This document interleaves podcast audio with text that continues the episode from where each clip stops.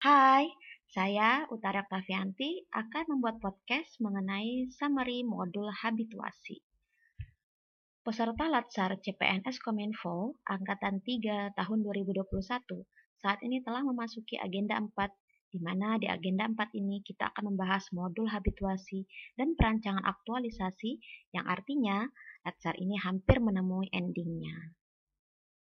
Pada masa agenda 4 ini, kita akan membahas masalah rancangan aktualisasi, di mana kita akan mencari isu yang ada di unit kerja kita, yang dirasa selama ini adalah suatu masalah yang berlarut-larut dan harus kita selesaikan.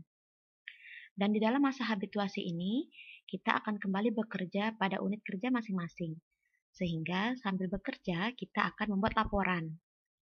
Pada masa inilah, mentor kita berperan untuk memberikan ide atau masukan mengenai kira-kira permasalahan apa yang bisa kita angkat dan dicarikan solusinya.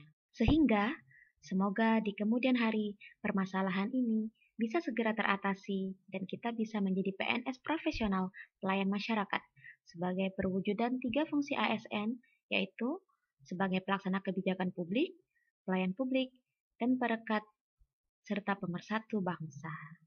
Terima kasih.